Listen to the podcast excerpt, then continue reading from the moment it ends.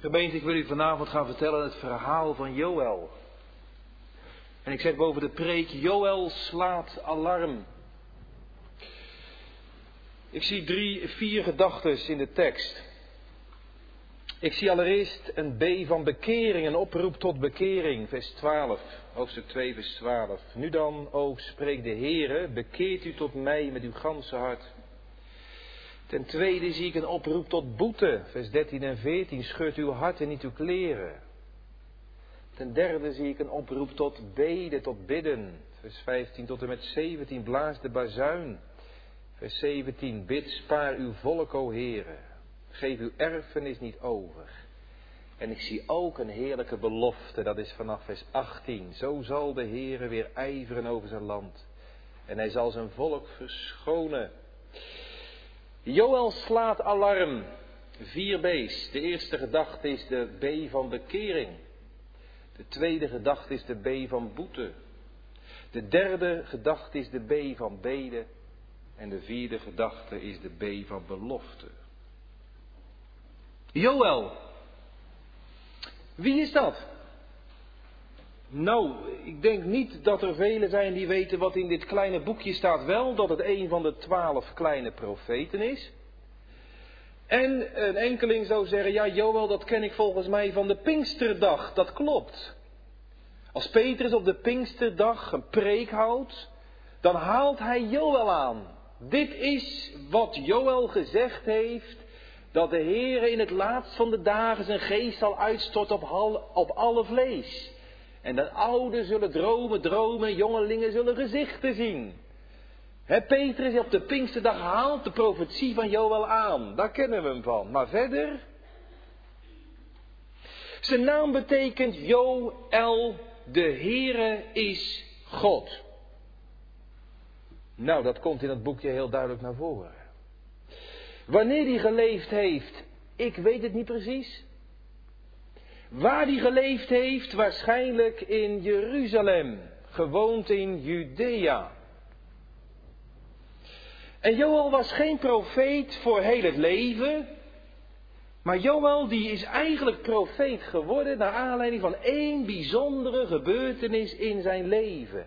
En dat maakte hem tot profeet. En dat deed hem een hele belangrijke boodschap doorgeven aan die mensen in zijn tijd. En dat heeft hij mogen opschrijven in dit boekje. Wie de profeet zelf is, weet ik niet, maar zijn boodschap hebben we. En die is zo belangrijk en zo actueel. Een profeet, hij mocht de mond God zijn. Er staat in hoofdstuk 1 vers 1 het woord des Heren dat geschied is tot Joël.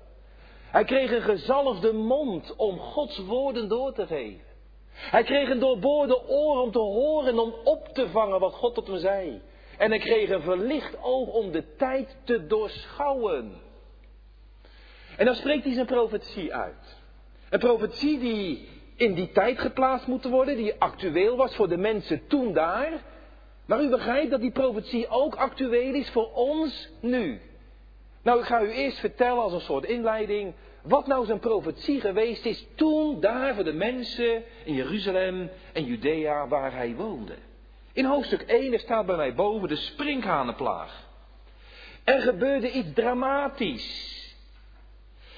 Een grote nationale ramp zouden we kunnen zeggen. Op een kwade dag komt daar een hele zwerm, een wolk sprinkhanen aan. En die valt als een deken op het land. En u wilt niet weten wat dat betekent.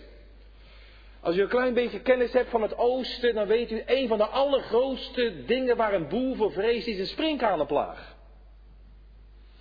Zo'n grote wolk van sprinkhanen, dat zelfs de zon, die werd even verduisterd. Het werd even donker. Dan komen ze aan en dan strijken ze neer op het land. En ze vreten alle, alle groen op. De boom barstte helemaal kaal. Geen groen sprietje blijft er meer staan. Koren, van alles. Gest, alles eten ze op. U begrijpt, ineens, in ene keer, opeens, plotseling, is daar een hele oogst die aan de rijpen was, voetsie verdwenen, verloren. We hebben gelezen, als zo'n sprinkhanenleger aankomt, daarvoor lijkt het een prachtige lust als de Hof van Eden. Maar als we dan eenmaal eroverheen gegaan zijn je kijkt er achterom, dan is het als een woestijn. Echt alles kaal gevreten. Nou, u begrijpt, Israël was een landbouwvolk, ze hadden geen industrie. Ja, opeens dan zit je daar, in Zakanas. En je hebt niks meer. Het voedsel moet op de bon, de voorraadschuren leeg. Ja, en dan, dan heb je dus geen, eh, kan je geen dankdag houden en dan kan je er amper eh, rondkomen. Dat is een verschrikkelijke ramp. Gods volk wordt van voedsel beroofd. Er komt hongersnood. En weet je wat nou het ergste is? U moet uw Bijbeltje af en toe eens even open houden en even meelezen. Weet je wat nou het ergste is, gemeente? Er staat in hoofdstuk 1, vers, uh, bijvoorbeeld vers 13, daar staat dit. Om God u en rouw klaagt, gij priesters, huilt, gij dienaars van het altaar. Gaat in en vernacht in zakken, gij dienaars van mijn God. Want spijsoffer en drankoffer is geweerd van het huis van uw God. Dat Gods volk tekort komt aan voedsel, dat is erg. Maar God komt ook tekort aan voedsel. Want er kan geen spijsoffer meer worden gebracht. Dat maakten ze van meel. En meel kwam van het graan.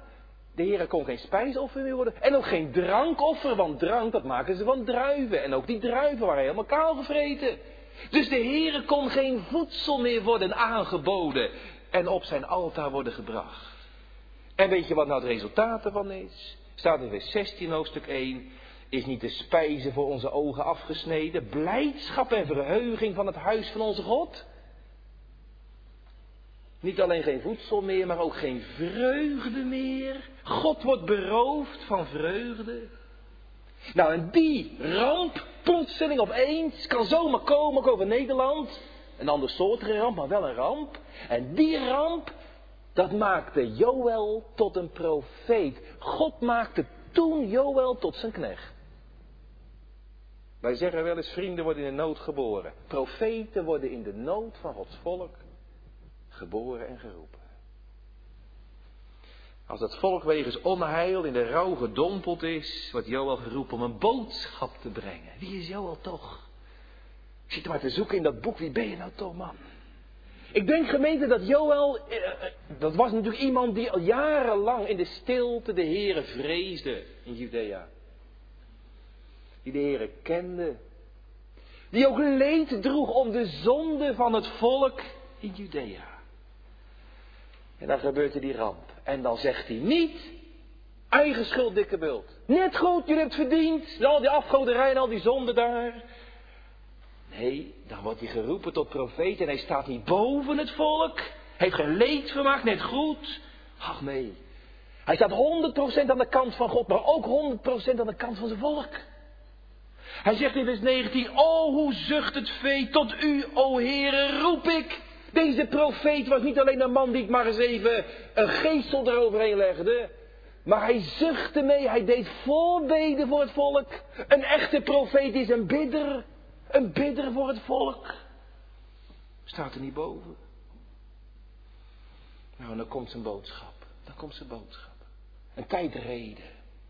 Een ernstige boodschap, een boeteprediking. Weet je wat hij zegt? Hij zegt eigenlijk, mensen, we moeten terug naar God. We moeten, we moeten terug naar God. Een boodschap van verootmoediging. Mensen, laten we deze roepstem, die ramp, die sprinkhanen, laten we dat als een roepstem van God zien. God heeft er ons wat mee te zeggen. Wij moeten weer naar Hem terug.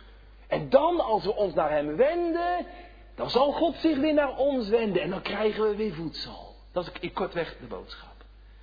En gaat hij nog een stukje verder over mee. Dat is hoofdstuk 1. Komt hoofdstuk 2.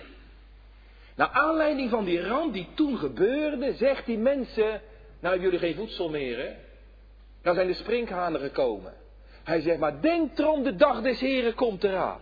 Vers, vers 2, een dag van duisternis en donkerheid, de dag des Heren is nabij. En als die dag komt, als die dag komt, dan zal je niet van voedsel worden beroofd, dan ga je leven eraan.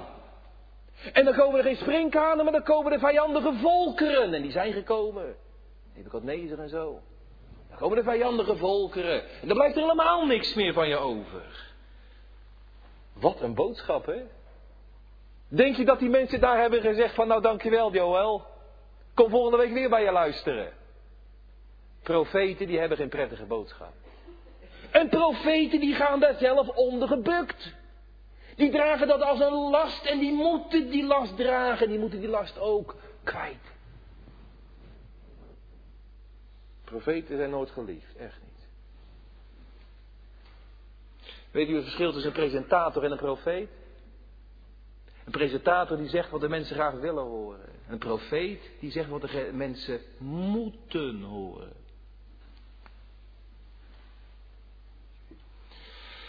Nou, en wat heeft dat nu voor ons te betekenen? Wat heeft dat nu voor ons te betekenen? Dit is een beetje de achtergrond. Wat zegt dat voor ons nu, persoonlijk, praktisch, nu in 2008, eh, Maranatenkerk, biddag? Gemeente, ik denk, hè, ik trek een lijn. Ik denk dat Joel onze hele belangrijke aanwijzingen geeft voor een opwekking. Een opwekking. Sommige mensen hunkeren daarnaar. Ik ben een van degenen eh, die daarnaar hunkeren, naar een opwekking, een herleving. Een herleving van land en volk en kerk en, en gemeente. Een opbloei. Sommigen hunkeren daarna. Lang niet iedereen. Jaren geleden was er een keer een opwekkingsbijeenkomst en duizend predikanten werden aangeschreven. Weet je hoeveel er kwamen? Twintig van de duizend. Weet je waarom de rest niet kwam? Die hadden het te druk met preken maken. Grote gemeente, studieverlof, vergaderingen, commissie, beleid maken. That's it. Zou er nou een opwekking komen in Nederland? Neemt u, neemt u mij niet kwalijk gemeente, maar zo'n biddag is ook een beetje een, boetedag als vanouds. Het is goed om de tijd te doorschouwen, om de gemeente te doorschouwen, jezelf te doorlichten bij het licht van Gods woord. Sommigen geloven vast hè, dat er nog een keer vlak voor de wederkomst een, een, een, opwekking komt die heel groot zal zijn en wereldwijd en heel de aarde misschien wel zal beslaan. Die geloven dat vast. Er zijn ook mensen, die ken ik, die geloven vast dat in Nederland nog een grote opwekking komt. Nou, dat zou best kunnen, maar ik heb er nog nooit een tekst voor gelezen in de Bijbel. Andere mensen zeggen van ja, ik weet het niet hoor. Als de Heer Jezus terugkomt, zal hij dan nog geloof vinden op aarde? Het wordt steeds minder, een kleine rest. Het is de dag van de kleine dingen, dominee, de dag van de kleine dingen. Die grote dingen die we lezen in de reformatie en na de reformatie. En, en het revij en zo, en die opwekkingspredik in Amerika. Nee, dat hebben we niet meer te verwachten. Nou, één ding, weet je, weet je wat ik denk? Eén ding denk ik wel. Of het nou allemaal zo groot en zo wereldwijd, dat, geloof, dat weet ik eigenlijk niet. Maar ik weet wel dat God machtig is om hier in mijn hart en hier in deze gemeente waar ik gesteld ben en waar u zit, om hier in Rotterdam een opwekking te geven. En daar bid ik naar. Bid ik voor. Geweldig trouwens als het ook in heel Nederland zou gebeuren. Niet dan? Stel je nou eens voor dat er een half miljoen echte, in Nederland een half miljoen echte radicale christenen zouden zijn. Niet uh, van die grijze mensen, niet van die schaduwachtigen, maar echt mensen, kinderen van God, wederom geboren, die tot het licht behoren, die wit zijn en die dat ook uitstralen. Radicaal aan de kant van de Heer Jezus zijn gezet, een half miljoen. Dat is 1 op de 30 Nederlanders, zo grofweg gerekend. 1 op de 30. In elke fabriek, in elk kantoor, in elke zaak, in elke klas als je met 30 leerlingen zit. In de universiteit, 1 op de 30. Waarvan je zegt van dat is een echte christen. Dat zie ik, dat hoor ik, een echte. Dat is geen EO-christen, dat is geen Revo-christen, dat is geen gereformeerde of dat is geen Pinkster, maar dat is een Christus-christen.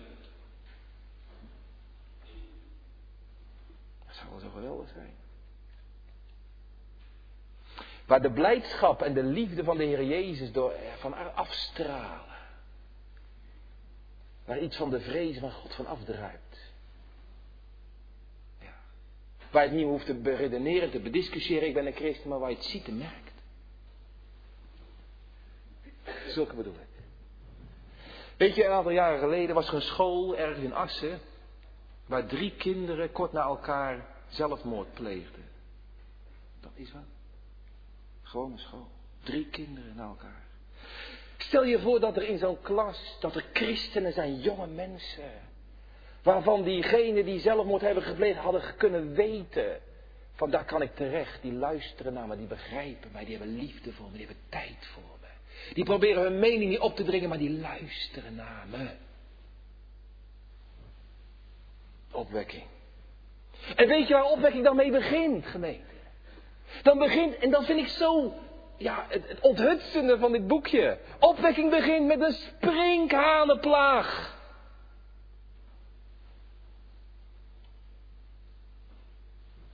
Waarom? Nou, een sprinkhanenplaag, dat heeft zoiets van, uh, ja, toen bracht God nood over dat volk. Ze waren Gods volk, Israëls besneden, ze wieden elke jaar het paascha en zo, was allemaal in orde. Maar ja, het schokte zo voort. Kijk, een opwekking ontstaat altijd op gebed. Maar eer dat we echt gaan bidden, moet de Heer soms wel eens nood geven in ons leven. Of ook in de gemeente. Eer dat, dat, we, dat we echt bij elkaar gaan komen. Het begint vaak een handje vol. Die zonde beleiden en die de Heer gaan aanroepen en zijn woord gaan onderzoeken. En weet je waarom ze dat gaan doen? Omdat ze nood zagen, omdat ze nood voelden, geestelijke nood. Een opwekking uh, die begint daar waar nood wordt gezien en wordt gevoeld. En waar de nood wordt ervaren aan het hart. Onderkend wordt.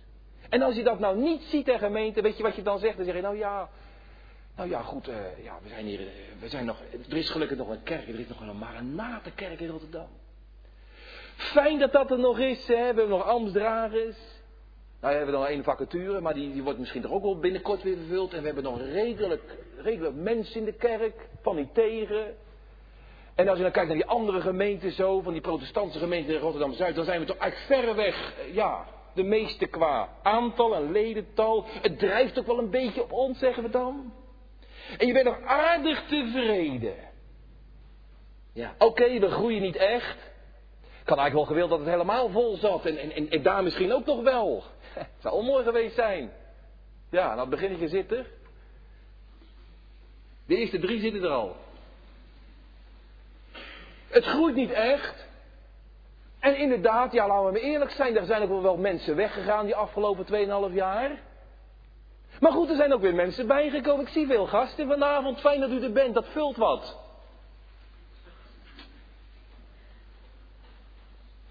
Voelt u dan ben je redelijk tevreden? En financieel, ja, wel iets minder, maar toch.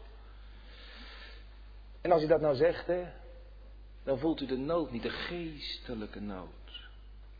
En weet je wat God dan gaat doen?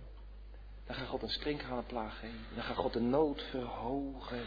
Hij zegt zo treffend in hoofdstuk 2 vanzelf. En de Heer verheft zijn stem. Voor zijn leger. Die sprinkhanen die verdelgden. Dat was Gods leger. Die deden zijn woord. Wij zouden zeggen. Ja, het Kanemeer is opgegeven. Een natuurverschijnsel. Hey. Ja, er waren wel sprinkhanen. Maar daar zat wel Gods hand achter. Gebeurtenissen in ons leven, in de schepping ook in, de kerk, in de geschiedenis, maar ook in de, in de kerk nu. Daar zit Gods hand achter. En dat doet de Heer, geloof ik, opdat we nou zouden doorkrijgen dat we echt in gebrek zijn. Dat we echt zo, met z'n allen hoor, op en onder de kant, zodat we zo onder de maat leven God ons wil hebben. Wat is dan die nood? Hoe kan je dat nou toepassen op onze tijd, die sprinkhanen? Gemeente, ik heb eens zitten kijken, in de Bijbel. Die sprinkhanen kom je ook tegen in openbaring, de eindtijd. Daar zie je dat de sprinkhanen uit de afgrond komen. Een beeld van de demonen. Ik zie in ons land en volk, ik zie dit sprinkhanen als demonen over een hele jonge generatie komen. Wat is er veel wat occult is in de muziekwereld, in de, uh, in de games, in de PC-games. In de speelgoed. Sla maar eens een willekeurig speelgoedboekje. Het is uh, doordrongen van occulte dingen. In boeken. Paranormale beurzen ook in de Ahoy-hallen. Sprinkhanen. Die kwamen vroeger over Egypte. Die kwamen in de tijd van Joel over Israël. En die komen nu over de kerk, over Gods volk nu.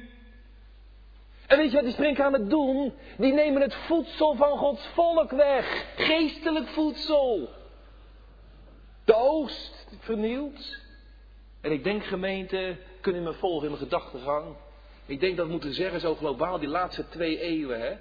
Die laatste twee eeuwen achter ons liggen. Er is zoveel geestelijk voedsel weggeroofd. Ik denk door de wetenschap. Als God niet meer de schepper is, dat allemaal door de evolutie is gemaakt. Wat heeft in de wetenschappelijke wereld die springhaan huis gehouden? Heel veel studentjes, achter zitten er vanavond ook wellicht. Fijn dat jullie er zijn. Maar die wetenschap is over het algeheel vergiftigd als dit legt naast de normen van Gods woord. En dan ga je denken, dan ga je twijfelen. En een hele generatie gaat de mist in. En die wijkt af van de eenvoud van de waarheid van Gods woord. Verschrikkelijk, een last. Je gaat er gebukt onder. Sprinkhanen. Ik denk de laatste twee eeuwen, ook, ook in de theologische wereld trouwens. Hele provincies zijn ontkerkelijk. Weet je waarom? Omdat er ongelovige dominees op de kansel stonden. En die dominees stonden daar netjes te vertellen, ja, Jezus is misschien helemaal niet opgestaan. En misschien is Jezus, die maagdelijke geboorte misschien ook wel niet waar geweest. En die slang is ook niet waar geweest. En toen dachten de mensen, ja, als alles niet waar is, kunnen ze goed thuis blijven. En de mensen bleven thuis. Erg. Sprinkhanen op de kansel, die alles kaal fraten, zodat Gods volk geen voedsel meer had. Ook nu zie je dat in onze tijd. Boeken als uh, van de Da Vinci Code, hè, die door randkerkelijk en door mensen die nog een klein beetje religieus zijn, verslonden zijn, bestsellers geworden. En ze kwamen steeds verder af van de eenvoud van de waarheid van Gods woord. Het hele gnosticisme, het evangelie van Judas. Judas was eigenlijk niet te verraden, maar Judas was eigenlijk toch wel, via het gnostische eh, denken, was toch eigenlijk wel een van de beste vrienden van Jezus. Verderfelijk, het is vergif. En het wordt geloofd. Als je God niet meer gelooft, dan geloof je alles. Behalve God. En de waarheid van God. Springkamer. Weet je wat ook zo erg is? Dat de vrucht van het werk van Christus wordt kaal gevreten. Oh, er heeft een kaalslag plaatsgevonden, mensen, in Rotterdam. Ik weet dat niet, maar ik zie wel kerken, zie wel kerkgebouwen. En de ouderen weten dat des te beter. Wat een kaalslag er heeft plaatsgevonden. Hoe uh, hoe kerken uh, leeg gaan, uh, leeg zijn gelopen. Hoe kanselbijbels voor het laatst werden gesloten. En, en, en dan ging de dominee met die bijbel, huilend, voor de laatste keer weg. Dominee Korenvaar. En dat was het dan. Die kerk werd verkocht. En de kerken worden verkocht en de Morgensterkerk die gaat er ook nog een keer aan. Nou, hier, hier zitten we dan. Vind je erg? Dat is de kaalvreter. Weet je wat ik zo erg vind? Dat de vrucht van het werk van Christus wordt weggekaapt, weggeroofd. Weet je wat die vrucht van het werk van Christus is? Dat is de zekerheid van het geloof. Tegenwoordig komen zoveel mensen tegen, jonge mensen en ook oudere mensen die twijfelen. Ja, ik weet het allemaal niet meer zo zeker, dominee. Ja, dat kan waar zijn, maar dat kan er ook waar zijn. Hoe het nou altijd vroeger gezegd is, ja, ik weet niet, ik zet er maar een vraagteken achter. Ja, je mag best een vraagteken zetten over hoe het vroeger is, maar nooit achter het woord. Dat moet je niet doen. Dat moet je niet doen. Dan ga je, eh, dan beroof je jezelf van geestelijk voedsel. De zekerheid van de vastigheid van het woord van God, maar ook van de zekerheid van het geloof. Ja, is het allemaal wel zo? En de vreugde in God. Er wordt zoveel gesproken, zoveel gesproken, maar de vreugde in God. Echte vreugde, diep vanuit je hart.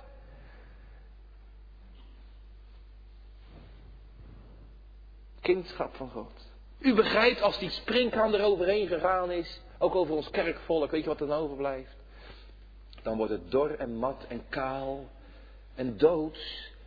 Het moest eigenlijk een lusthof zijn. Gods kerk als een lusthof. En het ziet er zo vaak uit als een kerkhof. Een kerkhof. De frisheid is weg. De dood in de pot. Dat kan ook met alle verstarring erbij. Dor en mat. Er staat in hoofdstuk 1, vers 15, er is geen koren meer, er is geen most meer. In hoofdstuk 1, vers 10. Er is geen koren meer, er is geen most meer, er is geen olie meer. Koren is verwoest, de most is verdroogd en de olie is flauw. Koren, dat denk ik aan de Heer Jezus, de brood des levens. Waar hij schittert, waar hij schittert. En de most, dan denk ik aan de wijn, dan denk ik aan vreugde, blijdschap in de Heer. En de olie is flauw. Dan denk ik aan de Heilige Geest en de kracht en de zalving van de Geest. Flauw. Weet je wat nou het ergste is? Niet alleen dat Gods volk, dat de vrolijkheid verdort. Maar dat God gebrek leidt.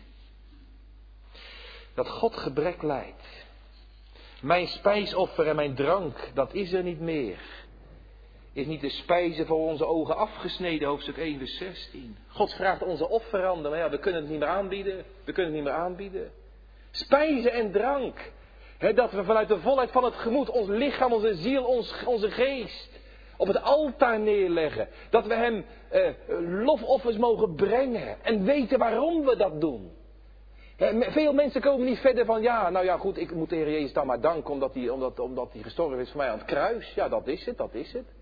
Dat, dat is het, ja, dat is het. Is er dan niet meer? God, er is zoveel meer. Maar misschien hebt u wel magerheid aan uw ziel dat u eigenlijk niet veel meer weet. God, wordt, God komt aan mij tekort. Dat vind ik zo'n verpletterende gedachte. God komt aan mij tekort. Ik kom niet alleen tekort. Hongersnood, maar God komt aan mij tekort. Er wordt gesproken in Joel 1, 2 en 3 over het huis van God. En over het altaar. Over de gemeente van God dus. Waar is de vreugde gebleven? Hoofdstuk 1 vers 16. Blijdschap en verheuging van het huis van onze God. Merkt u dat? Nou zit u hier, hè? Nou zit u hier. Eh, fijn dat u er bent, daar gaat het niet om. Maar merk je wel eens van, hé, hey, die Maranatenkerk. Eh, merk je wel eens iets van vreugde? En dan bedoel ik niet dat oppervlakkige en zo. Dat mag u van mij hebben. Maar dat diepe, dat diepe. Dat diepe vanuit het hart. Ja, die mensen die hebben toch iets. De een die uit dat misschien wat meer expressief en de ander, het zit van binnen. Ik word er jaloers op. Je merkt dat soms aan, aan mij, aan een dominee, ik hoop het. Dat je niet alleen maar zegt van joh, die dominee heeft een hoop woorden, maar eh, leeft hij nou eigenlijk zelf wel uit? Kan ik het ook af en toe eens kan zien aan me van hé, hey, volgens mij heeft die dominee, volgens mij leeft hij eruit. Volgens mij heeft hij er wat aan gehad. Ik zie het aan hem, ik zie het aan hem. Niet alleen dat er mooi gezongen wordt. Mensen, je kan psalmen zingen en opwekkingsliederen, daar zit het niet in hoor. Allemaal goed en wel, maar dat wil niet zeggen dat het een garantie is voor die diepe vreugde die vanuit je hart, vanuit de verwondering over God opstijgt. En je gaat naar de kerk, we houden sing-ins. Oké, ik zeg er allemaal niks van, echt niet.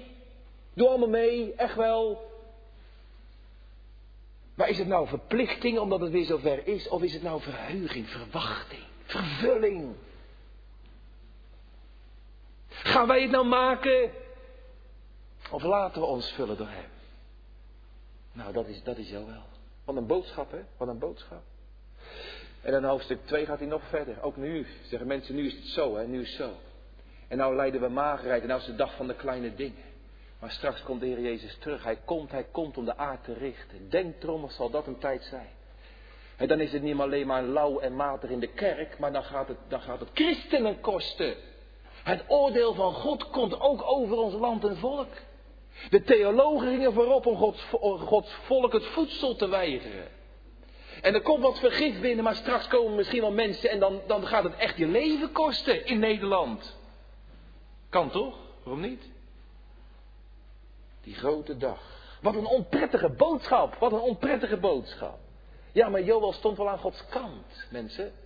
Dat moest hij wel zeggen. Is, is dat alles? Nee, dat is de eerste helft.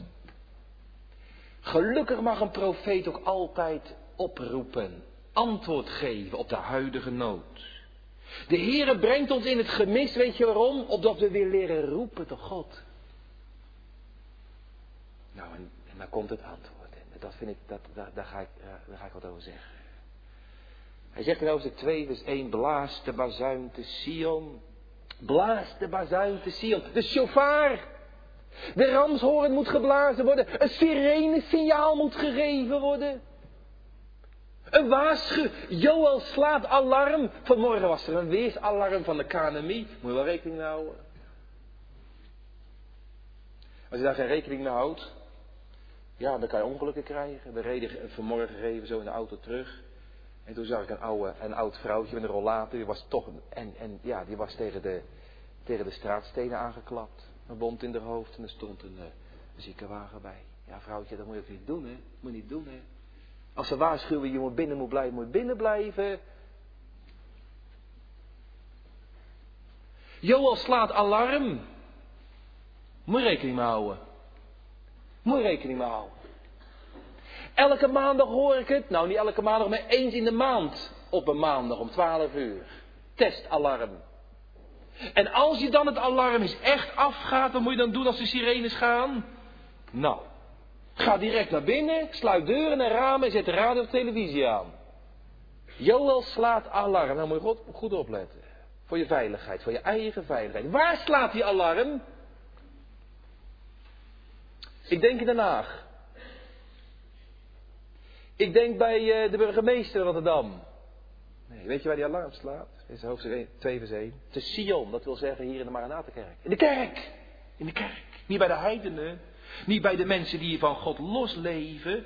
Maar bij de kerk. Daar slaat hij alarm. Alarm. Is er dan nog ontkoming? Kijk dan die straf, dat oordeel die, dat, dat eraan komt. Waar je eigenlijk al in zit, maar wat er nog veel erger aankomt, kan je dat nou ontgaan? Voelt u de lading in het boek? Ja, dan komt het, hè, als ik 2 vers 12 bekering. Tegen die zwarte achtergrond van een welverdiend oordeel komt hij met een boodschap, een oproep. Een oproep tot bekering. Er is geen uitweg bij onszelf, maar er is altijd een terugweg bij God. Omslag in de preek. Dat oordeel, is dat nou nog afwendbaar? Is dat afwendbaar? Misschien. Misschien. Wie weet, hij mocht zich wenden. Misschien. Over Nederland, over de kerk, over de gemeente, over de PKN. Het oordeel komt niet direct. God geeft nog tijd. Er staat zo treffend in hoofdstuk 2 vers 12. Nu dan, ook spreekt de Heere. God zelf is aan het woord. Bekeert u tot mij met uw ganse de Heere zelf is aan het woord en hij zegt, bekeert u tot mij, keer je eens om. Keer nou niet langer je rug naar me toe, maar kijk mij nou eens aan. Bekering is, kijk God nou eens aan.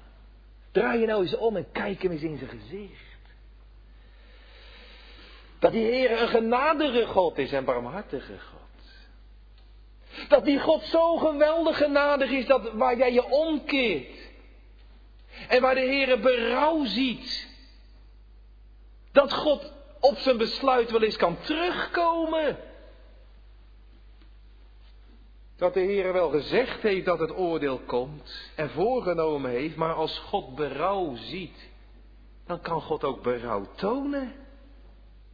Tot wie wordt die boodschap verteld? Nog eens goed lezen. 2 vers 12. Nu dan spreekt de Heer, bekeert u tot mij met uw ganse hart. Dit wordt gezegd, beste mensen, nog eens keer tegen de kerk. Ja, maar bekeerd zijn we al. Oh. Oh. En dan zegt de Heer toch tegen jou, al ben je tien keer bekeerd en tien keer gereformeerd, dan zegt de Heer toch bekeert u. Je bent van mij afgedwaald. Als gemeente en persoonlijk. Je bent van mij afgekeerd. Misschien is het wel nodig dat je weer eens terugkeert tot mij en dan echt. Terugkeer is nodig. Kijk, je kan heel ver bij God vandaan zijn als de jongste zoon. Maar je kan ook als de oudste zoon nooit ver bij hem vandaan. Je dient hem, je dient hem. Maar die oudste zoon die diende hem uit plicht en niet uit vreugde. Hij deed alles wat hij moest doen, maar hij had er geen plezier meer in. Hij vond niet meer zijn blijdschap in God. Ik heer die al mijn blijdschap in u vindt. Ja, nou, ik zie het aan je. Bekering. Ook als kerk hebben we dat zo nodig. Hè? Die verdeeldheid. Oh, die verdeeldheid. Vanavond de krant, vanmiddag de krant zitten lezen en dan ja. Juist op deze dag. Hè, dat dat geschil voor de rechter is de herstelde vorm de HHK en de PKN. Nou ja, dat is nou uitgevochten en de PKN heeft gelijk. Ik draag daar nog steeds leed om, weet je dat? Ik draag daar nog steeds leed om in mijn hart. Dierbare broeders, zusters, collega's, geestelijke lui waarmee gestudeerd heb, die, die zitten nou in die andere kerk. Ik draag daar leed aan. En hier in Rotterdam, nou we zijn dan protestantse gemeente Rotterdam-Zuid. Nou, moet ik nou blij zijn? Ik heb veel meer geestelijke verwantschap daar in, in die HHK zitten. En hier heb ik zo weinig, weinig echte geestelijke verwantschap. Geestelijke verwantschap. Dan moet ik blij zijn. Ik draag er nog steeds leed om, weet je. Wat erg. Dan zegt de Heer, bekeert u tot mij. Weet je wat ik ook zo erg vind? In mijn eigen hart en leven. Die wandel met God. Bent u wereldgelijkvormig? Oh, daar heb je hem weer met zijn wereldgelijkvormigheid. Ik hoor het u al zeggen. Ben je wereldgelijkvormig? Al die dominees waarschuwen tegen wereldgelijkvormigheid. Weet je, zal ik eens wat zeggen? Als jij de Heer Jezus niet verwacht, vurig verwacht, naar hem uitziet, naar zijn wederkomst uitziet, als hij dat niet kent en niet hebt, ben jij wereldgelijkvormig. Als je met God wandelt, dan kan het niet anders of je verlangt naar die God. En je verlangt ook dat hij je zaligmaker terugkomt, wederkomt. En als dat verlangen, als je dat nou spaarzamelijk kent, ben je nog veel te wereldgelijkvormig. Bekeert u tot mij met uw ganse hart. Zou de Heer dat missen in mijn leven? Zou de Heer dat missen in uw leven? Bekeer u tot mij met gans, met ganse hart. Misschien moet de Heer wel zeggen, ze, ze eren mij met de lippen. Maar hun hart is zo ver van mij. Ik hoor de woorden, ik hoor de woorden tot, tot mijn eer op hun lippen, maar hun hart, hun hart is er helemaal niet bij. Kan God een verdeeld hart aan? Nee.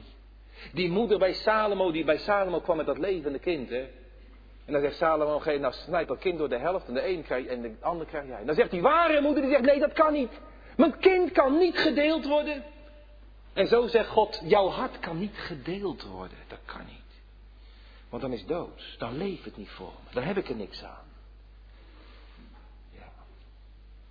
Nou, hoe gaat het dan verder? Vers 13. En vers 12. Bekeert u mij met uw ganse hart en dat met vasten, met gewenen, met rouwklagen. Nou gemeente, ik geloof echt hè, dat de Bijbel zegt dat als er echte waarachtige bekering plaatsvindt, voor het eerst of bij vernieuwing, gemeentelijk of persoonlijk, een terugkeer naar de Heere God. Als dat plaatsvindt, dan, eh, dan kan het niet anders of er komt ook droefheid over jouw zonde. Dat kan niet anders. Dat is nou wat hier staat, rouwklagen en vasten en geween. Echte bekering gaat altijd gepaard met droefheid over jouw kwaad, wat je de Heer hebt aangedaan. dat je de Heer zo vaak hebt laten praten, dat je vaak zo'n bedweter was. Zo'n zo'n zo'n zo'n zo'n akelige bedweter. Heer, wat heb ik u verdriet gedaan? Dat je gaat rouwklagen. Dat wil zeggen dat er af en toe wel eens diep getroffen, dat er wel eens een traan neerdrupt voor het oog van God. Droefheid naar God. Nu dan staat er, nu dan, nu dan, vandaag, heden, deze bededag, nu dan. Niet morgen, nu. Nu dan, daar zit ruimte in, het is nog genadetijd. Maar er zit een ernst in, nu. Morgen kan het te laat zijn. Nu dan. En gemeente, dan wordt er opgeroepen hè, tot boete, vers 13. Scheurt uw hart en niet uw kleren. Bekering werd opgeroepen door de Heer zelf, wendt u tot mij. En ook tot boete scheurt uw hart en niet uw kleren. Mensen die buitenkant, of het nou lippen is, wat je zingt. Of je trekt een zwart pakje aan met een zwarte strop. Een zwarte das. Een zwarte hoed en een zwarte jas. En om Sions wil ook nog een zwarte bril. Het mag allemaal. Maar schud uw hart en niet uw kleren. Het kan aan de buitenkant zitten, hè. Maar de Heer zegt, ik zie hart aan. Een hart dat gescheurd is. Kan dat? Ik heb een vraag. Ik weet het al. Dominee, mijn hart is zo. Het is zo keihard van binnen. Ik krijg dat hart nou, nou maar niet in twee. Er moet wel een hele sterke ruk nodig zijn om mijn hart te scheuren. Voel me vaak zo koud, het zegt me zo weinig. Afgelopen zondagavondmaal gehad. Ik heb gemerkt, gehoord en gezien en gelezen ook. Van enkele die, die mij hebben laten weten dat ze toch wel een gezegende zondag hebben gehad. Maar anderen, u niet? Nou, ik heb zo'n hard hart, dominee. Ik heb zo'n hard hart. Scheurt uw hart, staat er. Hoe, hoe doe je dat? Ik zal u zeggen, dat is Gods werk. Dat is Gods werk. Helemaal, helemaal. Maar hoe doet de Heer dat dan? Weet je hoe de Heer dat doet? Door je naar Golgotha te brengen. De stem van de stervende heiland, hè? De stem van de stervende heiland. Aan het kruis op Golgotha. Dat deed de steenrotsen scheuren. En waar ik een gezicht van mijn zonde krijg. Ook, als, ook mijn ambtelijke zonde. Waar ik een gezicht van mijn zonde krijg in het licht van het kruis. En waar ik diezelfde stem van die stervende heiland hoort klinken in mijn oren. Waar de geest dat gaat toepassen. Dat breekt mijn hart. Dat breekt daar kapot aan de voet van die heuvel. En dan staat er en bekeert u tot de Heere uw God. Dat vind ik zo geweldig. Bekeert u tot de Heere uw God. Vers, vers 13. En dan staat er wie die God is, mensen, vers 13. Want hij is genadig en barmhartig en langmoedig en groot van goede tierenheid en berouw hebbende over het kwaad. Bekeert u, weet je, van jezelf af tot de Heer. En weet je wie die Heer is? Dat is de verbondsgod. Dat is diezelfde God van de dood. Dat is dezelfde God van de Bijbel. Dat is dezelfde God die trouw houdt en die eeuwig leeft. Dat is die Vader, de Zoon en de Heilige Geest. Weet je wie die Heer is? En dan komen daar al die deugden die opgezond wordt. Hij is genadig. De liefde ligt, ligt bovenop. De liefde druipt er van die God af. Genadig en barmhartig en langmoedig en groot van goede tierenheid. Nou kinderen, zou ik jullie een opdracht moeten geven dat ik zeggen, probeer nou eens deze dingen in de Bijbel terug te vinden. Waar wordt God nog meer genoemd? De God die genadig en barmhartig en groot van goede tierenheid is. Dan zie je dat dat al begonnen is bij Mozes. Heere, doe mij toch u kennen. En dan gaat de Heer aan hem voorbij en dan zegt de Heer dat ook barmhartig en genadig is de Heer. Ik denk op Psalm 103, de psalmisten hebben ervan gezongen. En dat de Heer barmhartig en genadig is en groot van goede tierenheid. Oh, dat zijn zijn deugden, dat is hij zelf. Een aloude refrein, dat je telkens, een genade refrein, dat je telkens weer in de profeet en de psalmen terugvindt. Al die deugden van God, opgezond en geroemd. God is genadig. Met die God heb je vanavond te maken. Een genadige God. Gemeente. Al heb je al je rechten verspeeld. God is genadig. God is barmhartig, staat er. Al zit je nou zo in de ellende. Al zit je nou nog zo in een ellendige situatie. Hè? God kent deernis. God kent erbarmen. Hij is langmoedig, groot van geduld en groot van goede tierenheid. Heer is zo groot van intense goedheid. Zo groot. En dan staat er berouw, dat vind ik ook zo geweldig. Berouw hebbende over het kwaad. Vers 13. Kan dat? Kan God berouw hebben? Natuurlijk kan God berouw hebben. Nou, natuurlijk niet, het is een groot wonder, maar hij kan het wel. Berouw. God heeft nooit berouw over een belofte die hij doet. Maar God kan wel berouw hebben over het kwaad wat hij dacht te zullen doen. Vanwege uw zonde, wat u verdiend had. Maar hij zag berouw in uw ziel. En dan doet hij het niet. Liever niet dan wel. Berouw hebbende over het kwaad. God bedenkt zich. Er staat in vers 14, wie weet hij mocht zich wenden. Wie weet, is dat er misschien? Nou, kan wel, kan niet. Nee, de kanttekeningen zeggen zo mooi. Dat is geen onzeker misschien. Maar dat is, uh, je hoeft nooit te twijfelen aan Gods erbarmen. Als, als je als een berouwvolle zondaar naar hem gaat, dan is hij gaarne vergeven. En dan wilt hij je graag ontvangen. Ja, zo is het. Wie weet, dat is geen onzeker misschien. Maar er zit wel iets in van het totaal onverdiende.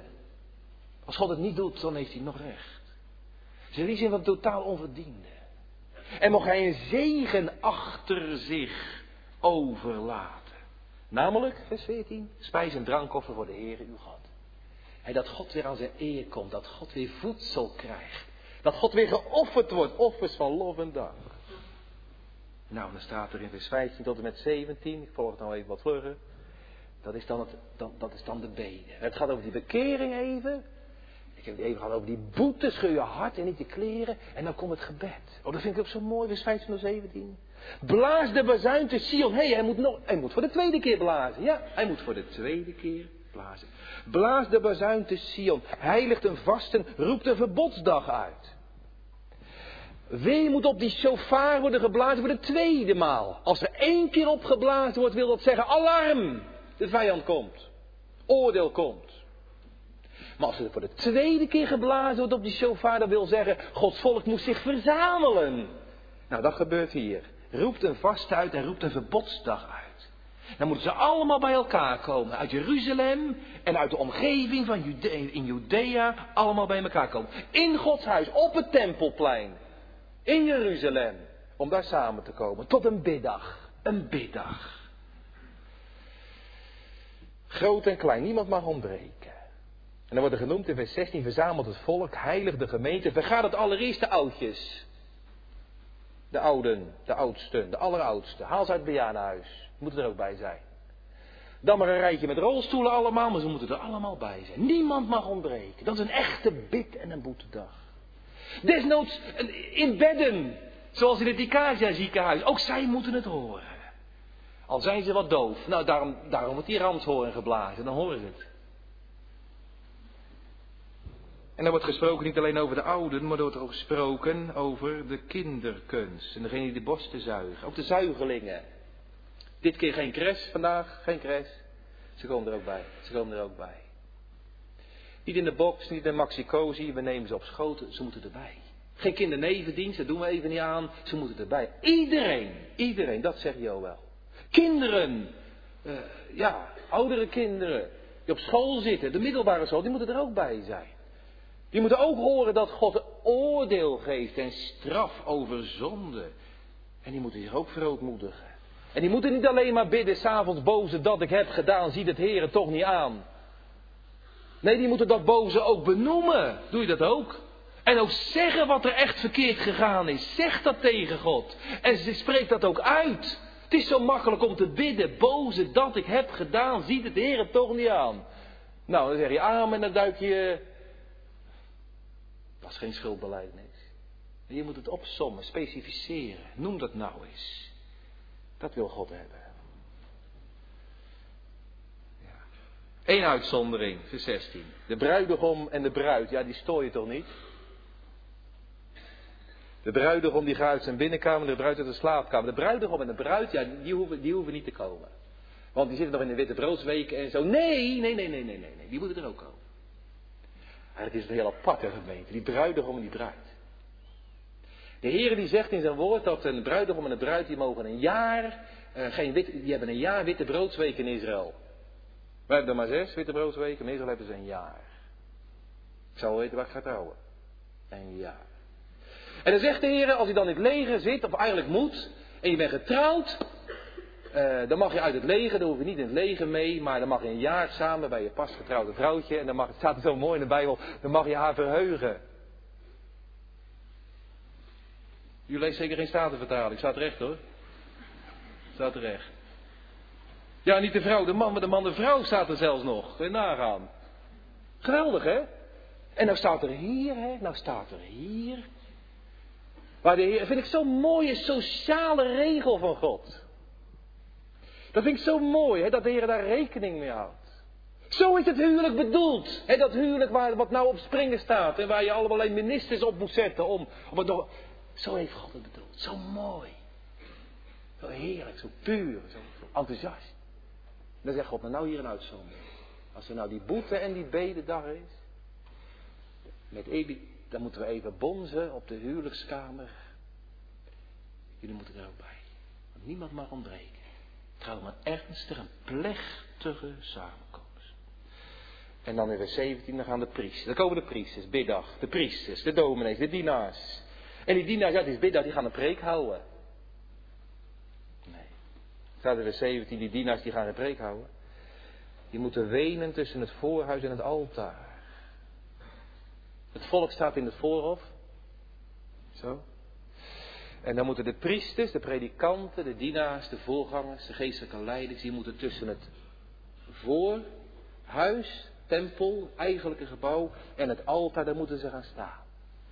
Als het ware met hun rug, eh, met achter hun rug eh, Israël, het volk, en in de rug het altaar, en met hun aangezicht gericht, ja, naar het heilige der heiligen. Met het aangezicht gericht naar die ark die van Gods gunst getuigt. Met het aangezicht gericht naar daar waar God zijn woning houdt. Waar God woont en waar zijn heil verkregen wordt. Ik vind het zo treffend dat dominees niet hoeven, dat die voorgangers hier niet hoeven te preken. Maar die moeten wel gaan smeken. Wat moeten ze dan zeggen? Eigenlijk het biddag, o Heere, spaar uw volk. En geef uw erfenis niet over tot een smaadheid. Dat de heidenen over hen zouden zeggen onder de volken, waar is nu een God? Dit vind ik zo'n sterk argument in het gebed en gemeen. Weet je wat die priesters moeten bidden? Voorbidden. Smeken. Weet je wat ze moeten bidden? Als het ware als een, tussen, het, tussen God en het volk instaat. In de bres. Weet je wat ze moeten bidden? O Heere, spaar uw volk uw erfenis. Ze doen een beroep op Gods naam. Heere, zeggen ze, dat ik zo'n sterk argument. Heere, stel, je voor, stel u voor dat nou de, uw erfenis, dat uw volk nou helemaal ondergaat. Ondergaat. Dan zullen de heidenen gaan zeggen, waar is nu God en waar blijkt nu zijn vermogen? Die God is zo machteloos, die kan nog eens zijn eigen volk in stand houden. Heren, dat duldt uw glorie toch niet. En daar is God gevoelig op. Daar is God gevoelig op. Dan raak je als het ware, mag ik dat zo eens zeggen? Dan raak je het eerste plekje in het hart van God. Dat duldt zijn glorie niet. Heren, als nou alle christenen uit Rotterdam verdwijnen, dan hebt u geen getuigenis meer. Dan is er geen niemand meer die uw naam en uw zaken kan uitdragen. Dat duldt uw glorie toch niet. Dat er hier anderen een vreemde godsdienst komt heersen. Dat duldt uw glorie toch niet. We hebben zojuist gezongen op Psalm 74. Heren, uw rechterhand. U hebt uw rechterhand teruggetrokken. Waarin wij zoveel ondersteuning vonden. Heren, wilt u uw rechterhand nog eens uit uw boezem trekken. En laten zien dat u God bent. Dat de mensen niet zullen zeggen, waar is nou die God van die christenhonden? Wij hebben een God die veel sterker is. Dat duldt uw glorie toch niet. Levende, waarachtige God. Nou, en weet je wat er dan gaat gebeuren, gemeente? Uren gepreekt. Hoe, lang zal Joel gepreekt hebben, ik weet niet. Weet je wat dan gaat gebeuren? Dan gaat het echt gebeuren. Als die ramshoorn heeft geklonken tot tweemaal toe. Dan krijgt hij geen briefjes, geen bedankjes terug van uh, we hebben geen tijd, want we hebben een grote gemeente. Of we zijn momenteel het studievolg. Of ik ben net getrouwd, pas het trouw getrouwd. Het is zo'n wonder, maar tussen vers 17 en 18, het staat er niet, maar je moet wel eens tussen de regels doorlezen. Zeker bij die kleine profeten. Tussen vers 17 en 18 voltrekt zich een wonder. Weet je wat het wonder is? Dat de mensen massaal gehoor geven om allemaal te komen daar op dat tempelplein in Jeruzalem. Allemaal. Ze voldoen aan de oproep en ze verootmoedigen zich voor God. Daar vindt de samenkomst plaats op het tempelplein. Zou wel diep indrukwekkend geweest zijn. Mensen kwamen van heinden en ver. Dat is een opwekking. En de priesters die gingen voor, niet in het preken, maar in het aans, in het smeken tot God. En dan komt de wending, vers 18. Zo zal de Heere zich ijveren over zijn land. Een andere vertaling zegt, toen nam hij het voor zijn land op. Toen hoorde God. Toen hoorde God. Diezelfde God van genade en barmhartigheid. Dat hele ogenblik, vind ik zo mooi hè. Ik ga zo eindigen. Maar ik, ik vind het zo mooi, dat wil ik met u delen. Ziet u dat, dat zie ik voor me. Dat zie ik voor me. Dan komt daar dat hele volk, die kleintjes en die oude van dagen. En die bruid en die bruidegom. En, en, en die priester, die staan er allemaal. En dan staan er als het ware te wenen voor God. Van heren, we hebben er, ja, we hebben, we, hebben er niks van gemaakt. We hebben er niks van gemaakt. En dan komen ze in de schuld. Allemaal. En dan roepen ze tot God. En, dan, dan, ja, dan kan God zich als het ware niet meer goed houden. Dan kan God de ellende van zijn volk, die kale akkers, die hongerige magen, dat kan God niet langer meer aanzien. Toen nam hij het op voor zijn volk en voor zijn erfdeel. En dan gaat de Heer vanaf vers 19 zulke heerlijke zegeningen beloven. De Heer zal antwoorden en hij zal zoals zijn volk zeggen, zie ik zend jullie weer de koren en de most en de olie en dat jullie weer verzadigd zullen worden. Gemeente, wat is er toch weinig voor nodig Wat is er toch weinig voor nodig om het hart van God in beweging te zetten? Ik heb altijd anders gedacht. Het, heb ik het altijd verkeerd gedacht. Ik heb altijd gedacht, hè, stom van me, dwaas van me. Wat een harde gedachte heb ik toch van God. Ik heb altijd gedacht dat ik de Heere God heel erg moest smeken, jarenlang moet bidden en smeken om een nieuw hart. En dat God het dan misschien uiteindelijk, ja, ooit nog eens een keer zich laat verbidden. Hoe kunt u zulke harde gedachten van God hebben? Ik heb ook wel eens gedacht dat ik jarenlang moest smeken om een opwekking. En bidden en misschien dat God het nog eens geeft voordat ik sterf. Weet je wat ik hier leer? Wat is er maar weinig nodig om het hart van God in beweging te zetten. Eerst kwamen daar die vijanden, die sprinkhanen. En het volk verootmoedigde zich en nu zet God de vensters van de hemel wagenwijd open. Ik kan het niet meer behandelen, maar als je leest vanaf vers 9, al die zegeningen die God wil geven. Hij geeft weer voedsel aan zijn volk. Hij geeft weer overvloed aan zijn volk. De sprinkhanen weg, de vijanden weg. Hij geeft weer overwinning aan zijn volk. De vrees gaat weg, vers 21. En de vreugde komt weer in het land. En de Heilige Geest wordt uitgestort vanaf vers 28, de belofte van de Geest. En die leraar ter gerechtigheid, die komt weer zijn Heer. En de spaderegen komt, o mensen, toen zij gingen roepen uit diepte van ellende. Mochten ze één vers erna alweer gaan zingen, uw goedheid, Heer, is hemelhoog. Tussen vers 17 en vers 18, de verootmoediging en de gebedsverhoring, daar ligt, ja, daar ligt niks. Een seconde, een klein stukje wit, maar geen jaar, hè? Wat is God toch? Wat is er weinig nodig, ik zeg het voor de derde keer, om het hart van God in beweging te zetten. En dan belooft de Heer tijdelijke zegen, geestelijke zegen. En dan eindigt het met vers 27, waar ik geëindigd ben met lezen. En gij zult weten dat ik in het midden van Israël ben. Gij zult weten dat ik weer vreugde vind om te zijn in mijn eigen huis. Om te zijn onder een lofzingend gezelschap. Waar ik mijn voedsel weer mag ontvangen. Waar offers van lof en dank worden gebracht. En waar mijn naam met lofgejuich wordt geprezen. Dat ik in het midden van hen ben.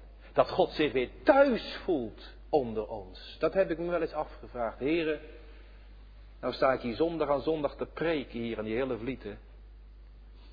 Voelt u zich nou thuis onder de? Kunt u zich erin vinden, heren? Herkent u zichzelf in wat ik met mijn zwakke, zondige lippen zeg? Voelt u zich thuis, heren, in de Maranatha-kerk? Voelt u zich thuis? Of bent u al lang weg? Voelen wij ons er thuis, omdat we bekende, vertrouwde klank horen, maar voelt God zich hier nog thuis? Zegeningen die God geeft. Gemeente, nou ik heb het gehad vanmorgen, vanavond over Joël. Ik hoop dat u de boodschap van Joël begrepen hebt. De oproep tot bekering, de boete, het gebed. Maar ook die heerlijke, machtige belofte dat God zulke rijke zegeningen wil. Waar begint het eigenlijk mee? Ja, bekering, met opwekking, zegening. Het bekeert eigenlijk met ontwaking. Als mensen de nood gaan zien. De geestelijke nood.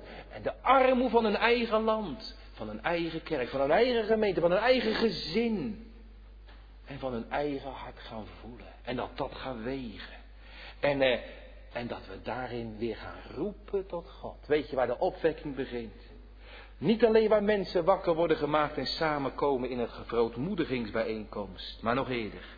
Op het moment dat de geest van God, die ene Joël, die ene man, als het ware bedouwd en bedient met zijn geest.